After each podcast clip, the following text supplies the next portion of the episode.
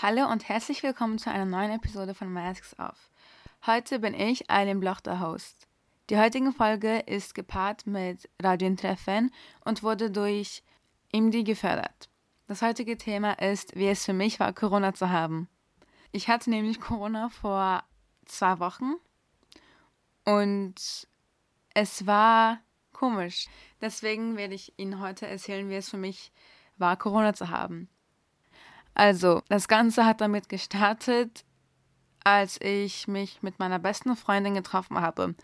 Das war ungefähr vor einem Monat her, glaube ich. Jetzt, ungefähr vor einem Monat her, habe ich mich mit meiner besten Freundin getroffen. Und damals hatte ich sie zwei Monate lang nicht gesehen und dann habe ich sie natürlich vermisst. Und normalerweise treffen wir uns mindestens zweimal in der Woche. Aber ja, weil wir jetzt beide auf einer neuen Schule angefangen haben, konnten wir uns nicht mehr treffen, weil beide beschäftigt waren. Auf jeden Fall, wir haben uns getroffen nach zwei Monaten und dann habe ich sie natürlich umarmt, weil ich sie vermisst habe. Sie war ein bisschen erkältet, aber hat mir erzählt, dass sie einen Schnelltest gemacht hat und dass der Schnelltest negativ war. Da dachte ich nicht sehr viel darüber. Aber als sie nach Hause kam, hat sie mich angerufen und war selber ganz schockiert und meinte, dass sie Corona bekommen hat. Ich habe mit einmal Angst bekommen ähm, weil ich die Woche danach eine Klassenarbeit schreiben sollte. Und ich hatte sehr viel für diese Klassenarbeit schon geübt und gelernt. Deswegen wollte ich diese Klassenarbeit nicht verpassen, weil die Woche danach, also nach die Woche mit der Klassenarbeit, waren dann Herbstferien. Und wenn ich dann Corona äh, bekommen hätte, dann würde ich nicht nur die Klassenarbeit verpassen, sondern dann musste ich die Klassenarbeit zwei Wochen später schreiben. Deswegen habe ich Angst bekommen. Ich war ganz gestresst. Ich dachte, oh nein. Deswegen habe ich einen Schnelltest gemacht. Ich habe nicht einen Schnelltest, ich habe drei Schnelltests gemacht. Alle Schnelltests waren negativ. Deswegen dachte ich, okay, dann habe ich kein Corona. Und dann hat sie einen richtigen Test gemacht. Nicht einen Schnelltest, sondern einen richtigen. Und der war negativ. Dann dachte ich, okay, dann haben keiner von uns Corona. Also ich habe die Arbeit geschrieben, ich bin nach Hause gekommen. Meine beste Freundin ruft mich wieder an sie erzählt mir, dass die, dass die Ergebnisse vom richtigen Corona-Test falsch kamen. Also das heißt, die haben ihr die falschen Ergebnisse gegeben und dass sie doch Corona hatte. Ich war schockiert, aber ich habe noch einmal einen Schnelltest gemacht. Der Schnelltest war negativ. Also am nächsten Tag bin ich zur Schule gegangen. Ich merke, ich habe Halsschmerzen, ich habe leichtes Husten und ich dachte nicht sehr viel darüber, weil in dem Zeitpunkt waren sehr, sehr viele erkältet. Deswegen dachte ich, dass ich auch nur erkältet war. Deswegen dachte ich wieder nicht viel darüber. Aber dann habe ich doch einen richtigen Corona-Test gemacht, weil ich dachte, ich muss ganz sicher sein. Und dann war der Corona-Test doch positiv. Ja, dann hatte ich Corona. ich lache jetzt darüber, aber in dem Zeitpunkt war ich wirklich sehr, also es war sehr unerwartend für mich, Corona zu kriegen, da ich erwartet habe, dass ich es äh, bekommen würde, als die Infektion sehr hoch war. Habe ich aber nicht, weil in dem Zeitpunkt, als ich es bekommen habe, war die Infektion sehr, sehr tief. Deswegen war ich irgendwie schon schockiert, dass ich Corona in dem Zeitpunkt bekommen habe. Nach, ich glaube, fast zwei Jahren oder vielleicht sogar mehr als zwei Jahren mit Corona. Aber ja, ich war schockiert. Aber ich muss sagen, dass ich es ein bisschen komisch fand, weil ich ja vier Schnelltests gemacht habe und alle ne wirklich negativ waren. Deswegen war ich ein bisschen, also es war sehr unerwartend für mich. Äh, also die Frage, wurde ich krank?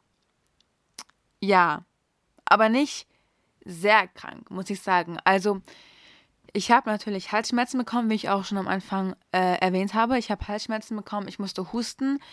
Ich hatte ehrlich gesagt immer viel Energie und ich habe ähm, die Symptome, ich glaube, fünf Tage nach ich mich mit meiner besten Freundin getroffen habe, bekommen.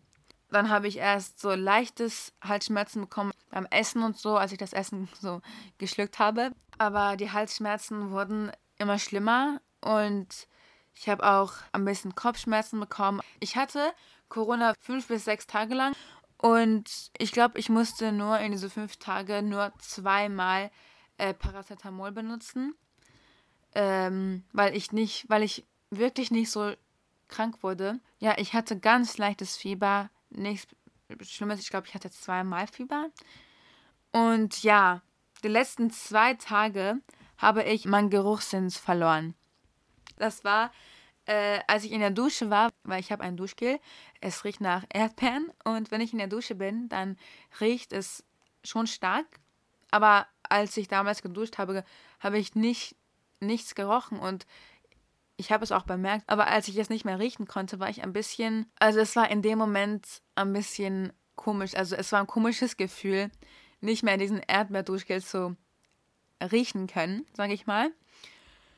Ähm, aber ja, so habe ich es bemerkt und mein Geruchssinn, muss ich sagen, es war wirklich komisch, nicht riechen zu können, weil als ich dann auch so Essen gegessen habe, dann war, dann konnte ich auch nicht viel schmecken. Also ich konnte natürlich ein bisschen, aber als ich Essen gegessen habe, dann äh, konnte ich auch nicht mehr so viel schmecken. Ich konnte, ich konnte immer noch ein bisschen schmecken, weil ich meinen mein Geschmackssinn nicht verloren habe. Aber da der Geruchssinn äh, mit dem Geschmacksgesinn verbunden ist, konnte ich nicht mehr so viel schmecken. Also kurz und zusammengefasst hatte ich nur Husten, Halsschmerzen, nur zweimal Fieber, leichtes Kopfschmerzen und ich habe äh, meinen Geruchssinn verloren äh, ja, das war ein komisches Erlebnis, muss ich sagen.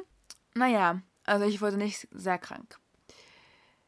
Dann, wie ich auch schon vorhin erwähnt habe, wohne ich zusammen mit meiner Familie. Ich wohne zusammen mit meinem Vater, meiner Mutter und meiner großen Schwester. Meine beiden Eltern wurden schon geimpft. Meine Schwester noch nicht. Meine Familie und ich wohnen in ein Haus.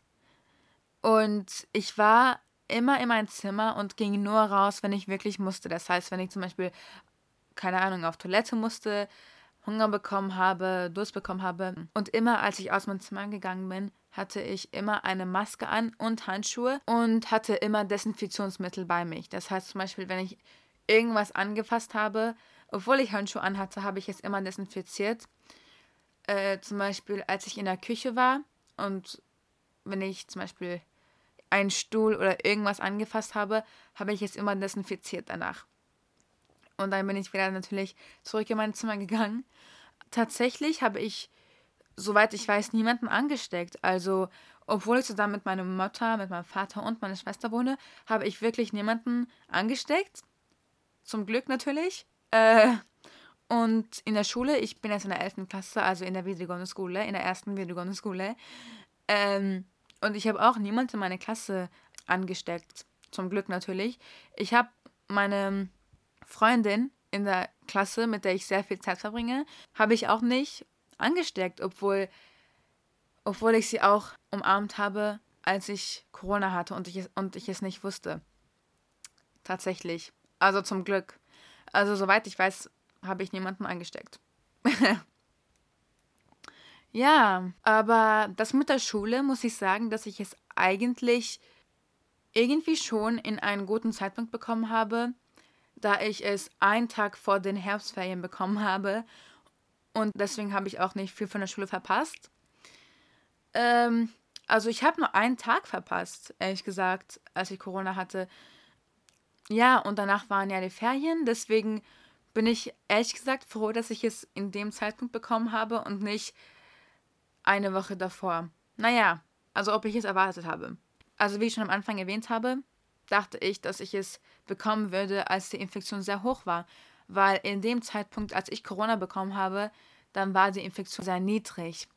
Deswegen war ich ein bisschen schockiert, muss ich sagen, äh, als ich es bekommen habe. Ich muss sagen, dass ich schon erwartet habe, dass ich Corona irgendwann mal kriegen würde. Aber ich hätte erwartet, dass ich es früher kriege. Also nicht in diesem Zeitpunkt, wo die Infektion sehr niedrig ist. Aber ja. Also so war es für mich, Corona zu kriegen. Es war schon ein komisches Erlebnis und wie ich schon mehrmals erwähnt habe, sehr unerwartend. Aber ja, ich bin froh, dass ich nicht sehr krank wurde und soweit ich weiß, niemanden angesteckt habe. Also ja. So war es für mich. Äh Und das war's eigentlich schon. Ähm, danke fürs Zuhören und bis zum nächsten Mal. Tschüss.